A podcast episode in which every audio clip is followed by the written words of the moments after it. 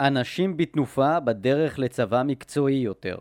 מוטי אלמוז, מתוך בין הכתבים, גיליון בנושא עליונות ותר"ש תנופה, מספר 2830. שורות אלו נכתבו בפתחה של שנה חדשה, תשפ"א, הימים ימי ההתמודדות עם נגיף הקורונה, מגפה בריאותית עם השלכות כלכליות וחברתיות ששטפה את אורחות חיינו ושיבשה את ההרגלים האנושיים. גם בצה"ל חלו שינויים גדולים בדפוסי הפעילות בכל הקשור לפעילות מרחוק, אתגר גדול לארגון צבאי המחייב לפקד בעיניים על משרתיו. בשנים האחרונות מובל תהליך תנופה העוסק בזינוק צבאי, מבצעי וטכנולוגי משמעותי של צה"ל בשנים הקרובות. בשנתיים האחרונות התקיימה גם עבודה רחבת היקף העוסקת בהשתנות הצבא בסוגיית האנשים. לאורך שנים רבות עסקה כתיבה צבאית וחברתית ענפה בארבעה תחומי כוח אדם מרכזיים הגיוס לצה"ל, שירות החובה, שירות המילואים ושירות הקבע. מאמר זה מציע אל מול מגמות חדשות המתפתחות בצה"ל כמה זוויות התבוננות ועוסק בהשלכותיהן במעגלים רחבים. ההשתנות המרכזית בעולם האנשים מתמקדת באדם, בשדה הקרב העתידי ובהשלכות חברתיות וארגוניות של גורם זה בהווה ובעתיד. במאמר אציע נקודת מבט המשתלבת בין צורכי הלחימה החדשים, כפי שמשתקפים בתוכנית הרב-שנתית תנופה, לבין מגמות חברתיות חיצוניות המשפיעות על האנשים בצה"ל. אטען כי ההזדמנויות הנובעות מתהליכי עומק בשני העולמות הצבאי והחברתי רבות, ובתקופה זו יש לצה"ל ולמדינה אפשרות אמיתית למצותן. כבר בפתח הדברים ארצה להבהיר כי אני רחוק מאוד מאלו המחברים בין תהליכים חברתיים טבעיים ודוגמאות בעולם, וטוענים שאנחנו בדרך מצבא העם לצבא מקצועי. כבר היום יש בצה"ל מסלולים רבים באורכי שירות שונים, שיש שיגידו שהם ראשית תהליך שממנו אין מנוס. בעיניי צה"ל והחברה הישראלית הם סיפור אחר. בעיקר סיפור של רוח, סיפור שכמעט כל בית בישראל מכיר, סיפור הקשור בהיסטוריה של עם ומדינה שחיו תחת איום קיומי מתמיד, סיפור כזה שבו מטס של חיל האוויר בשמי גרמניה, גם אחרי 72 שנה, מקבל תשומת לב מיוחדת. לכן, במקרה זה כותרת המאמר אינה מכוונת לצבא מקצועי על חשבון מודל צבא העם, אלא לצבא מקצועי יותר, במובן שאליו מכוונת תוכנית תנופה המחייבת אנשים מקצועיים יותר והגדרת בעלי מקצוע לתחומים רבים נוספים. מכאן ועד הפיכתו של צה"ל לצבא מקצועי, במובן הקבלן לצורכי ביטחון, הדרך ארוכה מאוד. תנופה הוכנה כתוכנית צבאית ברוח תפיסת ההפעלה של צה"ל לניצחון, על מנת להתאים את צה"ל ללחימה מול צבאות הטרור. מטרתה הינה להפוך את הצבא לקטלני יותר מול האויב הנעלם, מחשיפת האויב לתקיפה צבא רב-ממדי יותר במיצוי יכולותיו המגוונות, וכזה המביא את מגוון היכולות הטכנולוגיות לקצה המבצעי בקרב. מעשה המלחמה הופך מורכב יותר, ובצד אתגרים המסורתיים הרבים נוספים מאפיינים חדשים. בסיום התוכנית נרצה לקבל צבא הפועל בשילוב רב-ממדי, מנגיש את כל יכולותיו לקצה המבצעי, קטלני יותר וטכנולוגי יותר. זהו שינוי שיכול להתממש רק אם יחולו השינויים הנדרשים בתחומי האנשים. בכלל מקצועות הלחימה המסורתיים והמתחדשים, האדם יידרש להפעלת כוח בתצורה רב-זרועית ולהכשרה אחרת למקצוע. מושפעים במיוחד לוחמי היבשה, ליבת התמרון, שידרשו להיות טכנולוגיים יותר ובעלי יכולות שליטה והפעלה של מגוון אמצעים בו זמנית. מהלוחם בקרב תידרש פעולה איכותית היודעת לפתור בעיות מורכבות ומצויה בסביבה הרב-ממדית. עליו לדעת למצות את הממד האווירי את הממד המודיעיני ואת האופן שבו אלו יסייעו לו לפתור את הבעיה המבצעית. חשוב להבהיר, זה לא עוד מאותו השיח של שיתוף פעולה והיחידה לשיתוף פעולה בחיל האוויר, או על עיסוק בקווי תיאום בין הפעלת היכולות מכל בית יוצר מקצועי, אלא היכרות עמוקה הדדית בין המקצועות השונים ומיצוי היתרון המשמעותי שבכל זרוע ובכל ממד לחימה. השינוי שתואר, אתגרי שדה הקרב המתפתח, הלוחמים החדשים הנדרשים בו והרב-ממדיות בהפעלת כלל המקצועות מצריך כמובן את הגעת האנשים האיכותיים ביותר למשימת הביטחון. למידה מתמדת של תחום המתגייסים בשער הכניסה לצה"ל, שיח מתמשך עם המתגייסים ועם הוריהם ומחקר מלווה בנושא המוטיבציה לשירות, כולם מראים כי המוטיבציה לשירות הינה קבועה וגבוהה. אין שינוי ברצון הנוער לשירות משמעותי, מאידך גיסא ישנן פרשנויות חדשות לשאלה מה משמעותי בעיניהם. לא פעם משמעותי, נתפס כביטוי מתקדם של יכולות שנרכשו בלימודי התיכון או בעולם האזרחי של פנאי ותחביבים, ולאו דווקא שירות קרבי ביחידות הלוחמות. לעיתים נשאלת השאלה האם בעשור השמיני למדינת ישראל נדרש מבנה שירות חובה כמו בימי הקמת המדינה. האם בצה"ל משרתים חיילים עודפים או להפך חסרים למילוי סך משימותיו? שאלה זו נשאלת רבות בשנים האחרונות גם לאור מגמות דמוגרפיות ועימן הנתונים הקבועים של האוכלוסייה המתגייסת וזו שאינה מתגייסת לצה"ל. ארצה לענות על כך בכמה מישורי התייחסות. ניתן לקבוע באופן כללי כי השדרה הציונית המרכזית במדינת ישראל מגיעה לשירות בצה"ל. כמעט 80% מהאוכלוסייה שאינה ערבית מתגייסת. ישנם שני שינויים עיקריים לאורך השנים בנתון זה. האחד, עלייה משמעותית ומדאיגה בקרב מקבלי הפטור הנפשי והשני, עלייה בקרב מקבלי פטור תורתו אומנותו בשל העלייה הדמוגרפית במגזר החרדי שתלך ותגדל בשנים הקרובות. בנושא הפטור הנפשי המתרחב שמסתמן כתופעה מתגברת המשפיעה כבר על כמות הנכנסים בשערי הצבא, להבנתי, על אף שמדובר בחלק מתופעה גלובלית של אבחון מוגבר בגילאי הילדות והבגרות, הרי שבפועל אין במציאות עלייה המונית במספר האנשים שבאמת לא יכולים לבצע שירות צבאי.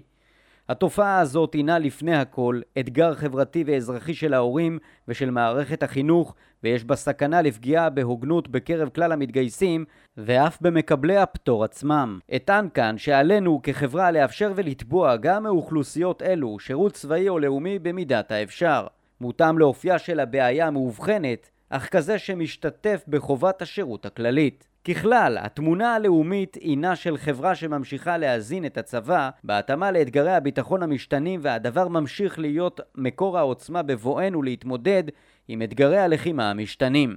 שתי השלכות מרכזיות יש לתוכנית תנופה על השירות בצה"ל שימור וחיזוק השירות הקרבי המשמעותי כערך והרחבת מקצועות הטכנולוגיה הצבאית. שירות קרבי משמעותי כערך, ההכרעה בקרב תמשיך להיות באמצעות יחידות קרביות, גם אם את שלום הגבולות נבטיח באמצעים טכנולוגיים מתקדמים, לא נעמוד במשימת הכרעת אויבינו ללא כוחות המצויים באופן פיזי על הקרקע.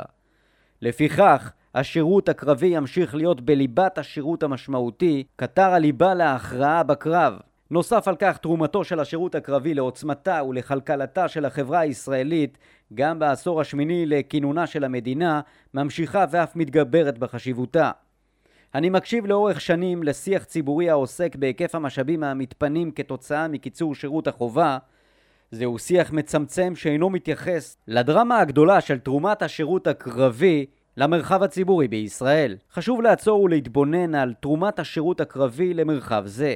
חשוב גם להתבונן על מה עושה השירות הקרבי, המנהיגות הנדרשת בו, המסוגלות וההתמודדות עם תנאים קשים לחוסנה של הכלכלה הישראלית. השירות הינו מאיץ לאומי בביגור האזרחים, מתן אחריות וניסיון פיקודי לאנשים צעירים מאוד, חיזוק המסוגלות, היוזמה, העצמאות ועוד תופעות חיוביות רבות הנגזרות מחובת השירות.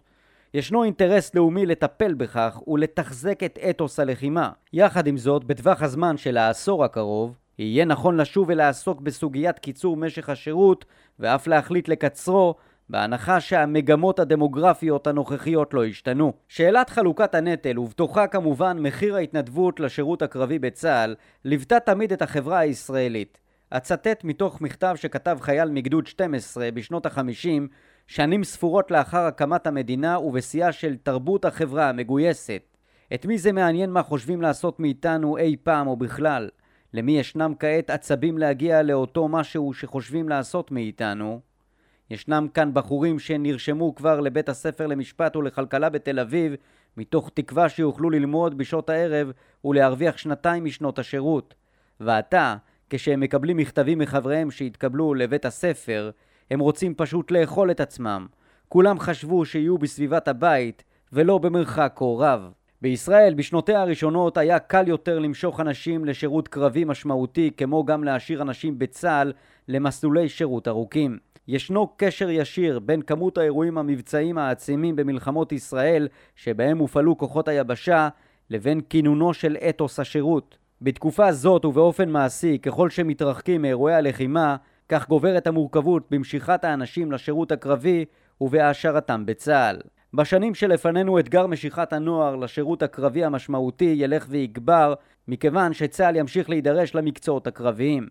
במסגרת תוכנית תנופה תידרש חשיבה עמוקה על המקצועות החדשים בלחימה כמוקדי משיכה לשירות אטרקטיבי. בהמשך המאמר אציע גם את חקיקת חוק יוקרת השירות הקרבי, המהווה שיטה משלימה כדי לוודא כי אכן מדינת ישראל מפלה לטובה את לוחמיה הקרביים גם שנים רבות לאחר שירותם. ההשלכה השנייה היא הכוונה ללימודים טכנולוגיים בכל המגזרים. כאן יש מקום נרחב לאוכלוסיות רבות, נשים, מיעוטים, חרדים, שידרשו בהיקפים גדולים הרבה יותר. יש להציע מסלולי העסקה שונים גם לאחר השירות הסדיר כדי למצות את יכולות האנשים, להשפיע ולראותם בסביבה טכנולוגית מתפתחת, סוג של עמק הסיליקון הישראלי, שבו התחולל מפגש של כלל האוכלוסיות שמקדמות את שלל הצרכים הטכנולוגיים של צה"ל. בכל דרך נדרש להכווין את הנוער לשתי המשימות העיקריות האלו, השירות הקרבי והלימודים הטכנולוגיים. כך נידרש לעשות במאמץ גיוס בני המכינות, תנועות הנוער ובכל מפעלי ההכנה לצה"ל. איך נבטיח שבמדינת ישראל הפורחת, כלכלית והמשגשגת יישארו בצה"ל הטובים והאיכותיים ביותר? אתגר זה אינו חדש, גם בעבר נדרשו מפקדים לאתגר השארת האנשים הלובש בכל דור גוונים ייחודיים. ב-1963 ביקר דוד בן גוריון במדרשה הצבאית בירושלים. בשיחת הקצינים שערך, שטח בפניו אחד הקצינים את החשש כי קציני החובה הטובים לא נשארים בצבא או שחוזרים למשקם או שהולכים ללמוד באוניברסיטה או שמקבלים משרות מכניסות יותר מבצבא. בן גוריון יצא מודאג מהשיחה עמם והעיד זוהי חוששני הערכה נכונה ויש דאגה חמורה לדמות הפיקוד העליון בעוד 15 שנים. לאורך שנים מתמודד הצבא עם אתגר השימור, אם כי חשוב להבין כי דווקא על רקע חובת השירות ועקרון הגיוס לחול, לא ניתן לצפות לשימור כל האוכלוסייה האיכותית בשורות הצבא. השארת האנשים הינו אתגר פיקודי והיא קשורה במידה רבה לאופן שבו תופס האדם את המסגרת שבה התפתח וגדל, את המפקדים בה כדמויות ראויות לחיקוי ואת ההזדמנויות לתרומה ולפיתוח. עם זאת, ישנן תשובות משלימות כדוגמת מאמץ חקיקה. חוק השירות הקרבי הינו יוזמה המציעה כי כפי שהמדינה מוקירה את משרתיה במילואים, כך תוקיר המדינה את משרתיה הקרביים בחוק מיוחד שבו הלוחם, עד יום מותו, נהנה מהעדפה נגלית במגוון הטבות בחברה הישראלית, אפילו אם מדובר בשנים ארוכות לאחר תום השירות בצה"ל. בשורה התחתונה נרצה שהמדינה תודיע למי שאש שטוחת מסלול סיכנה את חייו והוא שירת אותה בקווי המגע של המדינה שהיא תזכור זאת לאורך כל חייו ותציע לו שורת צעדי גמול משמעותיים הנחות מיסים, הנחות ברכש דירות וכדומה נדרש להבטיח באחריות את יוקרת המסלול לכלל המשרתים בקבע על מנת להבטיח שירות יציב, מאתגר ותובעני הזוכה לגמול הולם אל מול החליפיות התעסוקתית המצויה. במיקוד מיוחד נמשיך להידרש להעצמת האוכלוסייה הטכנולוגית, אוכלוסייה בעלת חליפות תעסוקתית גבוהה במיוחד.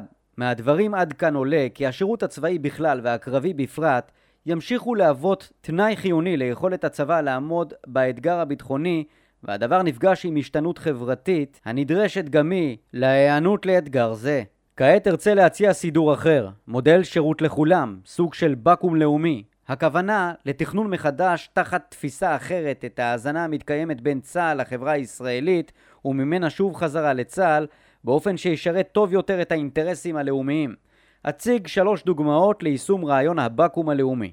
הראשונה, מיצוי מנגנון הגיוס לשירות אזרחי במסגרת רעיון כזה פונה המדינה לכל אזרח לעבור בשורות הצבא כך שחלק מהאוכלוסייה ממוצא תחת חובת גיוס בשירות הלאומי. המדינה מנצלת את מנגנון הגיוס הצבאי לטובת מיצוי טוב יותר של הנוער. לאחר הבטחת איוש השורות בצה"ל, יופנה הנוער לאופקי שירות משמעותי במסגרות נוספות הנדרשות למדינה, מודל שירות לאומי. דוגמה אחרת הינה מיצוי שנת הי"ב בכלל בתי הספר כשנת הגשמה והכנה לשירות בכלל מוסדות החינוך. כלומר, קביעת תום לימודי התיכון לסוף כיתה י"א, ביטול כיתה י"ב והקדשתה לתרומה חברתית ואישית תוך הכנה לשירות כדוגמת מכינות, שנות שירות ועוד. דוגמה שלישית הינה תוכנית הוראה לאומית למצטיינות ולמצטיינים, תוכנית שתתעדף את בוגרי ההוראה האזרחית גם בתפקידי הדרכה יוקרתיים בצה"ל. על פי תוכנית זו, למשתייכים לתוכנית ההוראה הלאומית תינתן עדיפות במסלול שירות אטרקטיביים בצה"ל כמדריכי חי"ר או מדריכי סימולטור, כך יכול להתחבר המסלול לעשר שנות עבודה במקצוע החינוך בתגמול משמעותי. תוכנית כזאת יכולה להביא בחשבון גם תעדוף חברתי על פי צרכים חברתיים, מגזרים נדרשים ופריפריה. למשל, מי שבחר ללמד בקריית שמונה ובירוחם יקבל 100% מענק, לעומת בחירה ללמד במוסד הנמצא ביישוב בסטטוס סוציו-אקונומי גבוה, שם תהיה התמורה פחותה. כך נבטיח שהחיבור בין מערכת החינוך, צה"ל והמקצוע האזרחי לאחר השירות יימצאו בנקודה אופטימלית יותר מהיום וההסללה תבוטל או לכל הפחות תהא יותר מוסדית ואפקטיבית. רעיונות דומים נשמעים לא פעם בשיח הציבורי, אך לא קיבלו עדיין את הדחיפה הלאומית הראויה. מרחב משותף ממלכתי ושוויוני. הניסיון המצטבר של צה"ל בשנים האחרונות מצביע על כך שכאן, בנושאים הטעונים פוליטית ועמוסים בסוגיות ערכיות כגון שוויון והוגנות, שהגיעו כמה פעמים לא במקרה עד לערכה השיפוטית הגבוהה ביותר בישראל, בג"ץ, בשונה מיתר הנושאים, אין לנקוט במדיניות פרואקטיבית. בנושאים אלו המכילים פוטנציאל קונפליקט חברתי, צריכה המדינה להוביל ולא הצבא. בשירות בצה"ל נוודא ערכים ואת קיום המשימה, נשמור על צה"ל כמרחב משותף ואת העמדות הפוליטיות והאג'נדות החברתיות נשאיר מחוצה לו. המרחב המשותף יהיה מכבד ויתנהל מבלי לפגוע באף אחד ומבלי לדרוס אמונות וערכים. כך, לא יהיה מקום בצה"ל לפרסומים ולחוברות המבטאות משאלות לב של מגזר כזה או אחר. כולנו צה"ל, כל אחד ודתו, כל אחת ואמונתה, משרתים את המדינה ביחד. כור ההיתוך של המאה ה-21 מורכב יותר, מאתגר יותר ומכבד יותר. מאחר והשדרה הציונית המרכזית במדינת ישראל מתגייסת לצה"ל, ומכיוון שעקרונות העוסקים בשירות לכל מצריכים רגישות גבוהה וניהול מושכל, יש להמתין למחוקק ורק אז לקבוע את המדיניות. ניסיונות צה"ל להתקדם לבדו בתחום זה מעמיקים את חוסר ההוגנות ולמרות הנטייה הטבעית של צה"ל להוביל ולקחת אחריות, הרי שבנושאים שכאלו יש להמתין למתגייסים החדשים בלשכת הגיוס או למחוקק שיקבע את דבריו ולא להעמיק את חוסר השוויון בסוגיות חברתיות וכלכליות בצעדים עצמאיים של הצבא. דוגמה לכך היא סוגיית גיוס החרדים אולם העיקרון נכון על מנעד רחב של סוגיות חברתיות. גם בסוגיית המילואים נשמעים קולות השואלים על תוקף המודל כיום. השיח מתרכז בדרך כלל סביב שני מישורים שאלת הנחיצות ושאלת המסוגלות, כשירות ואימונים. בתפיסת ההפעלה של צה"ל לניצחון מתוארים התמרון הרב-ממדי, ההגנה הרב-ממדית והמהלומות. כל אלו לא ייתכנו מבלי שהמילואים ימשיכו להוות כוח משמעותי בסדרי הכוחות של צה"ל. ישנם שני סוגים של כוחות מילואים. אלו הלוקחים חלק בהפעלת הכוח המבצעית השוטפת של צה"ל כל השנה, ואלו המהווים מכפיל כוח להכרעה בקרב. גם כאן, ככל שמתרחקים אירועי הלחימה שבהם הופעלו מילואים, וככל שהצבא פועל בתוך מגבלות משאביות, מתעצמות התהיות על אודות שאלת הנחיצות ורצינות הכוונות של צה"ל בהפעלת המילואים. בתוכנית תנופה נידונו גם שאלות אלו, והאם ניתן באמת להחליף את המילואים. לאף אחד מהמפקדים שעסק בעיצוב ותכנון המלחמה לא היה ספק בנחיצותם. עם זאת, מגמות בחברה הישראלית משפיעות גם על אופייה של הפעלת המילואים. חלוקת נטל שוויונית יותר במשקי הבית, הרגלי הצעירים הסטודנטים ומאפייני הניידות שלהם בשוק העבודה והמוכנות הגבוהה להקריב מחירים אישיים בזמן הקרב, אך פחות בעבור אימון, כל אלו מצריכים את צה"ל לאמץ פעולות חדשות ורלוונטיות. דוגמה לפעולות כאלה הינה דיגיטציה היכן שניתן, בהכשרה מקצועית על פלטפורמות אזרחיות, בצמצום בירוקרטיה הקשורה לגיוס ולתגמול והתייעלות ביחס לזמן. חשוב לזכור כי דיגיטציה וטכנולוגיה מתקדמות ככל שיהיו, לא יחליפו את יום הימ"ח, את פעילות הלכידות, את אימון המסגרת ואת שמירת הכשירות הבסיסית למלחמה בכל המערכים. אמון הציבור בצה"ל שלוש מילים המבטאות את החוזה שנחתם בין מפקדי הצבא לכל אם ואב בישראל השולחים את בנותיהם ובניהם לשירות בצה"ל. צד אחד מתחייב להתגייס ולשמור אמונים למדינת ישראל, וצד אחר יעשה הכל כדי להגן על הבית וכדי להחזיר את הבנות והבנים הביתה בשלום. לצערנו מעת לעת ומסיבות שונות אנחנו לא מצליחים להחזיר בשלום. באירועים אלה עלינו לחקור כל פרט ולוודא שהלקחים מיושמים, שהטעויות אינן חוזרות ושכל המידע נמסר למשפחה. אמון הציבור בנו יתקיים רק אם נחשוף תקלות ביושר, נישיר מבט, לא נסתיר דבר וניקח אחריות מלאה על מעשינו. כלפי המשרתים, עלינו לנקוט באכפתיות גבוהה ביותר. לא די שידע המפקד את מלאכתו, עליו להיות אוהב את האדם. דוד בן גוריון, מתוך תדע כל אם עברייה, 1963 כשהמחויבות לספק למשרתים חוויית שירות משמעותית וכשאתגר שימור האנשים הולך וגובר, הצורך להפגין אכפתיות, לראות את האדם באשר תפקידו ומיקומו הארגוני בצה"ל, הולך וגובר גם הוא. למעשה אין אדם, מפקד או איש משען שלא מעיד על עצמו כאנושי וככזה שאנשים בראש דאגותיו. אין סדנה לקביעת יעדים בצה"ל שמסתיימת מבלי שאחד הנושאים המרכזיים בה הוא פיתוח וטיפוח האנשים. מפקדים רבים חשים כך, אך זה לא מספק. אנשים במציאות הנוכחית, ובמיוחד בעידן הדיגיטלי מרובי הרשתות החברתיות, רוצים שירגישו בהם כל הזמן. כמו בשירו של יעקב גלעד, רק מילה טובה או שתיים, לא יותר מזה. על המפקדים להפגין רגישות אנושית, והארגון צריך לאמץ יותר פרקטיקות והרגלים שתומכים זאת. על המערכת, על שלוחותיה השונות, להוות כתובת מחבקת, אנושית וחמה לכל משרתי צה"ל. למצות כל משרת בתפקיד משמעותי שיעניק לה ולא ערך, שהולם את כישוריו, את יכולותיו ואת שוקותיו, זאת בהתאמה כמובן לצורכי הצבא. עלינו להתאים תפיסות וגישות למציאות המשתנה בצה"ל ובסביבה החיצונית.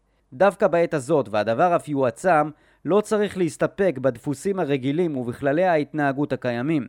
יש לפרוץ את הגבולות ולשוחח עוד ועוד. מפקדים נדרשים לראות עיניים, פנים, לא מסך נייד של טלפון. הוואטסאפ שנכנס לשירותנו בשנים האחרונות אינו מחליף מפקד. הוא מוגבל ביכולת להחליף תקשורת בין אישית, ובעידן זה מתגברת חשיבות תקשורת הפנים אל פנים. חשוב לוודא שהמפקדים אכן מנחילים תרבות של ביקורת קבועה הזוכה ליחס מכבד ומקצועי וחשוב להזמין אותם לשיח ישיר. דוגמה אישית, מפקדים מובילים בראש, התעניינות קבועה לכל אלו אין תחליף. בהלימה להשתנות הערכים החברתיים של עולם העבודה האזרחי, נדרש צה"ל לחשיבה אחרת בסוגיות שנהוג היה לתפוס בעבר כמובנות מאליהן. דוגמה לכך היא היחס לזמן המשרתים בצה"ל. על הצבא לתת תחושה שהוא רואה את המשרתים, את משפחותיהם ואת צורכיהם. חשוב לבטא כבוד לזמן, לאפשר עבודה מרחוק כשצריך ולצמצם דיונים רבי משתתפים כשניתן. וכמה מילים לסיום על המערכת העוסקת באנשים. בספרו "השתנות תחת אש" מציע דגלס מקרגור כחלק מההשתנות הנדרשת לצבאות לארגן את כוחות היבשה מחדש, אמצו שיטות שיעלו בקנה אחד עם הגישות של חיל האוויר, של הצי ושל חיל הנחתים של ארצות הברית. לדבריו, יש לפשט את מערכת הפיקוד והשליטה על כוחות היבשה, לשנות את מבנה הכוח הנוכחי למבנה חדש שידע להתאים את עצמו, על ידי צירוף של יכולות הזרוע במבנים בין זרועיים חדשים. אך גולת הכותרת לטובת מאמר זה הינה הצעותיו ברוח זו גם בתחומי מערכת כוח האדם. לדבריו יש להקים מערכת כוח אדם חדשה שתתמוך בכוחות היבשה בני עידן המידע שיאורגנו מחדש.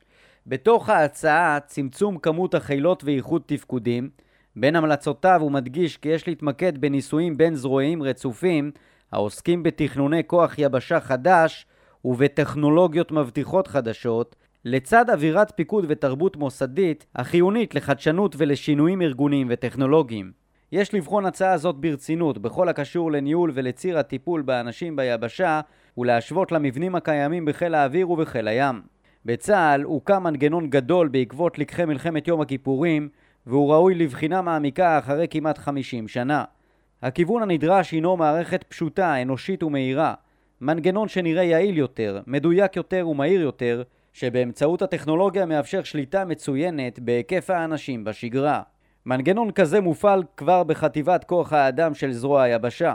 העקרונות שאליהן צריכה מערכת המש"ן ביבשה להתקדם הינם קווים קצרים, מנגנון קטן ורזה עם שליטה מרכזית שאיננה מכבידה, העברת קבלת החלטות לדרגי השטח, ביזור, ניהול מדיניות מטכ"לית, תהליכי בקרה ואימוץ גישה מודרנית הנהוגה בחברות גדולות הפרוסות בכל העולם, ואשר מנוהלות ממקום אחד באמצעות מספר נציגים מצומצם בקצה האופרטיבי. אין צורך בשרשרת ארוכה שבעידן הטכנולוגי עוסקת בעיקר בתיווך. מתנגדי הרעיון יבהירו שאימוץ שינוי מסוג זה יקטין את גמישות ועצמאות המפקדים בניהול מסגרותיהם.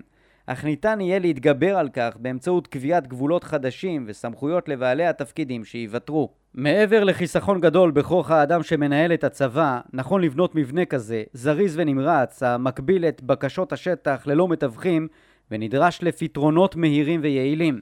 חלק מהגופים פועלים כך כבר עתה, ונראה שזו מסתמנת כדרך חיובית לכולם. נדרש גם לגוון את העוסקים בניהול המשן באנשים שהתפתחו במקצועות אחרים שאינם משן, שהינם אנשי ביצוע המביאים תפיסות עולם חדשות, שלעיתים נתפסות כמוזרות בעיני אחרים, יחד עם אנשי המשן הקלאסיים, הם יבטיחו תוצאה טובה יותר. במוקד מאמר זה הייתה ההשתנות. זו הנדרשת בשדה הקרב, וכנגזרת ממנה, זו הנגזרת בתחום כוח האדם. עסקנו בתמצית, בתכונות ובמיומנויות הנדרשות מהאדם בשדה הקרב החדש, במגמות בקרב החברה הישראלית המשלחת, בהשתנות האתוס ובצורך בשימור השירות הקרבי ובמקביל הגברת העיסוקים הטכנולוגיים. עסקנו בחוזה בין צה"ל לחברה, במחויבות הצבא לממלכתיות ובמחויבותו לשימור אמון הציבור בצה"ל. לסיום עמדתי על כך כי השתנות מערכת המשן חיונית על מנת למצות את מגמות האנשים בתנופה. חדי העין יוכלו לזהות בין השורות לכל אורכו של המאמר שפע הזדמנויות. את חלקן תיארנו באופן גלוי, למנף את השירות הלאומי בכלל ואת השירות הצבאי בפרט, ולהיעזר במקומו החשוב של צה"ל בחברה הישראלית, על מנת לסייע במישור הלאומי-חברתי, הכלכלי והתעסוקתי, למקד את התפקידים בהלימה לכישורי המועמדים ולהגביר את ערך השירות ואת תחושת השליחות, לייצר שיח אחר בארגון, שיח קשוב יותר, שיח של אכפתיות, ועוד ועוד. ההשתנות הנדרשת חייבת להתבטא בצורת התחדשות רחבה בעולמות האנשים בצה"ל התנאים בשלים. ישנה שעת רצון, ישנו מצפן ברור, והאנשים כרגיל טובים לנו מאוד. אסור לנו להחמיץ את ההזדמנות.